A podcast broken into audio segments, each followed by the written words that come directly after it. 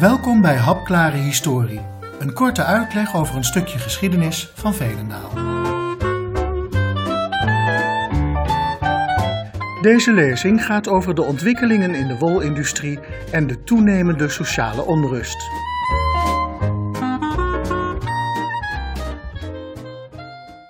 Tijdens een vorige podcast hadden we het al over de scheepjeswol en de VSW. Maar er waren in Veenendaal nog veel meer wol- en textielfabrieken. Al in de 18e eeuw treffen we een familie van Leeuwen als wolkammers. In de 19e eeuw heeft Melis van Leeuwen de leiding over het bedrijf in de Zandstraat. Het bedrijf verwerkt schapenvellen tot sajet en de vaste klantenkring strekt zich uit van Vianen naar Alblasserdam. Zijn zoons Hendrik en Jacob nemen in 1880 de zaak over. Omdat het bedrijf niet zoveel oplevert, zijn ze daarnaast ook imker. Wat een heel winstgevend bedrijf is, doordat de bijen in de strenge winter van 1890 plotseling doodvriezen. Maar dat komt eigenlijk wel goed uit, want Jacob en Hendrik hebben grote plannen met de wolkammerij. Het bedrijf wordt overgebracht naar het Achterkerk. In die tijd is het wolkammen nog grotendeels handwerk. De huiden worden direct bij binnenkomst ingesmeerd met natrium, waardoor de wol gemakkelijk los te trekken is van de huid. Dit proces heet bloten. Het kammen van de wol gebeurt met warm gemaakte handkammen en dat gebeurt door kleurrijke figuren als de vlek, gaardkuik, Peppy en de lange. En dat zijn mannen die beter bekend zijn onder hun zogenaamde uitschel, hun bijnaam, dan onder hun eigen naam.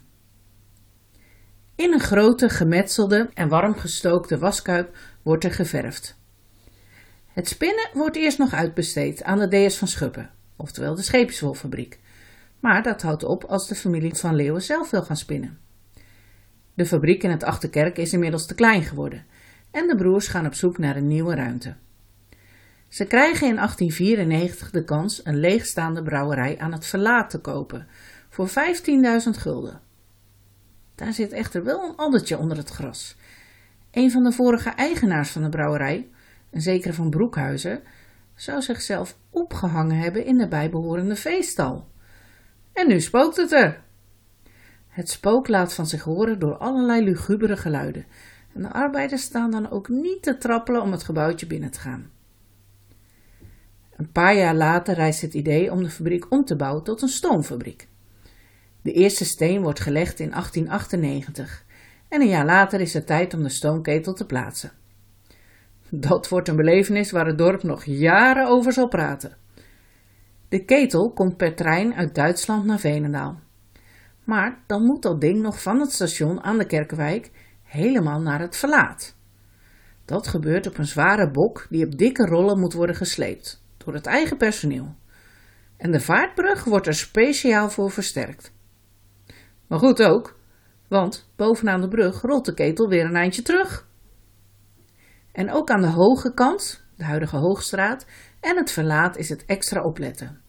Doordat de straat daar sterk afloopt naar het water, dreigt de ketel af en toe in het water te rollen. Maar de bevolking helpt dapper mee, zeker als ze beloond worden met bier. Een liedje over deze gebeurtenis, een straatliedje dan, eindigt dan ook met de woorden: Maar voor een lekker glaasje bier had Van Leeuwen de ketel hier. Met de komst van de stoomketel is de Hollandia-fabriek een feit. De fabriek aan het verlaat krijgt de bijnaam de Mus of de Mussenfabriek. Waar komt die naam nou eigenlijk vandaan? Een kleinzoon van Melis van Leeuwen tekende in 1949 het volgende op. Van Leeuwen was getrouwd met een dochter van een rijke boer van Emmikhuizen. Nu was Van Leeuwen nogal zuinig en zijn vrouw was dat van huis uit niet gewend. Zij uitte regelmatig de verzuchting: Als ik alles van tevoren geweten had, was ik niet met zo'n kalle mus getrouwd.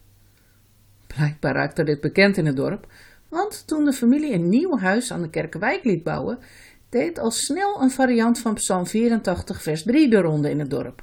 Zelfs vindt de mus een huis, o Heer, van Leeuwen zet een villa neer. De gebouwen aan het verlaat zijn al snel weer te klein. De bijgebouwen, waaronder de stal van het spook, worden afgebroken en het bestaande pand verbouwd en uitgebreid. Zo verrijst in de Eerste Wereldoorlog het fabriekscomplex dat tot na het jaar 2000 het straatbeeld aan het verlaat beheerst. In de jaren 20 volgt er een tweede complex aan de Kerkenwijk, de Hollandia Tricotage. En daar wordt het bekende ondergoed van de bovenste plank gemaakt. Een andere fabriek die zich in 1899 in Veenendaal vestigt, is de NV Renense Kravatten- en Confectiefabriek, in de volksmond al gauw de Karawat genoemd. In 1900 wordt de fabriek overgenomen door Roesing. Dat is een textielbedrijf uit Enschede die op dat moment al bijna 100 jaar bestaat. Roesing produceert met name batik. Dat is bedrukt katoen dat vooral bestemd is voor Azië. De productie wordt later helemaal overgebracht naar Veenendaal. Omdat de lonen hier lager liggen en vooral omdat het arbeidsklimaat hier rustiger is dan in Enschede, waar het socialisme aan het begin van de 20e eeuw sterk opkomt. In een landelijke enquête in 1890 wordt geconcludeerd dat de arbeidersbevolking in Veenendaal over het algemeen niet erg intellectueel ontwikkeld is en dat er daarom geen interesse is in de socialistische beweging. Veel mensen gaan na de lagere school direct naar de fabriek. Voor zover ze daarna nog enig onderwijs volgen, wordt dit georganiseerd door de kerk. De vakbonden ontplooien weinig tot geen activiteit in Veenendaal. Maar toch broeit er wel degelijk iets. Twee jaar later barst de bom. De werkdagen in de fabriek zijn lang en monotoon. De enige uitlaatklep is de jaarlijkse ossenmarkt met de bijbehorende kermis. Maar door de ongeregeldheden die er ieder jaar weer zijn, dronkenschap, steekpartijen, buitenechtelijke zwangerschappen, is de kermis de plaatselijke predikanten een doorn in het oog. Vele malen komt er een verzoek om de kermis af te schaffen, maar de winkeliers houden dit tegen.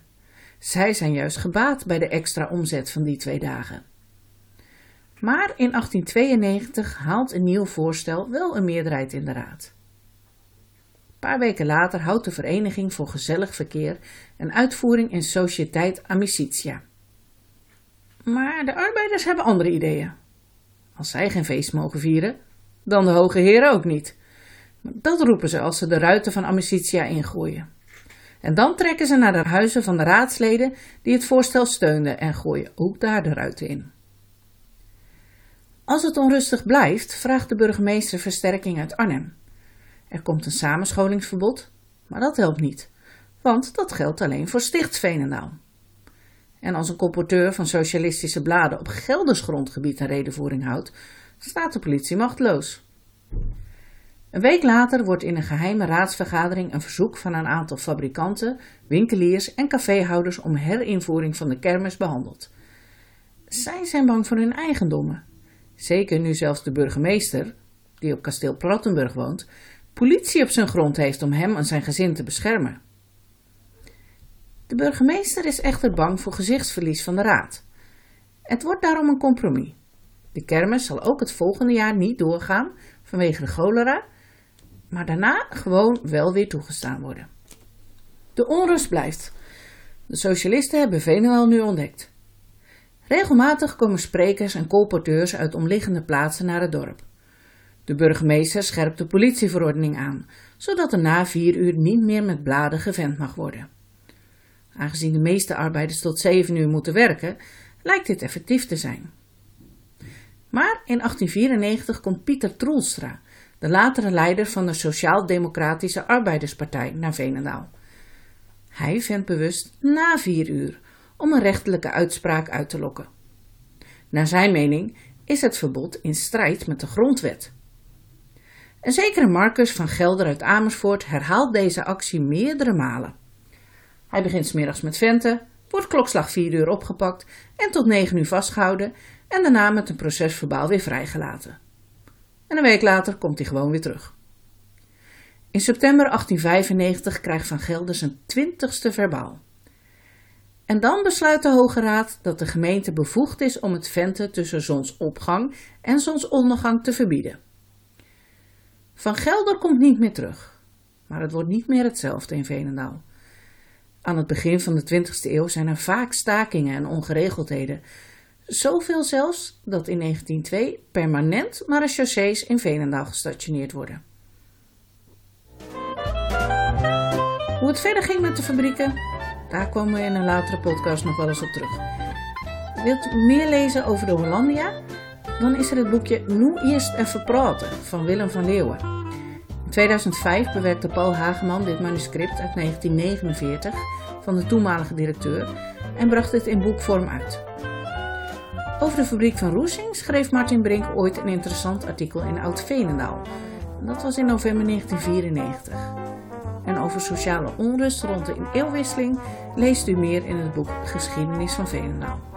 En al deze boeken zijn natuurlijk in te zien in het gemeentearchief. Bedankt voor het luisteren. Wil je meer ontdekken over de geschiedenis van Veenendaal? Ga naar gemeentearchief.veenendaal.nl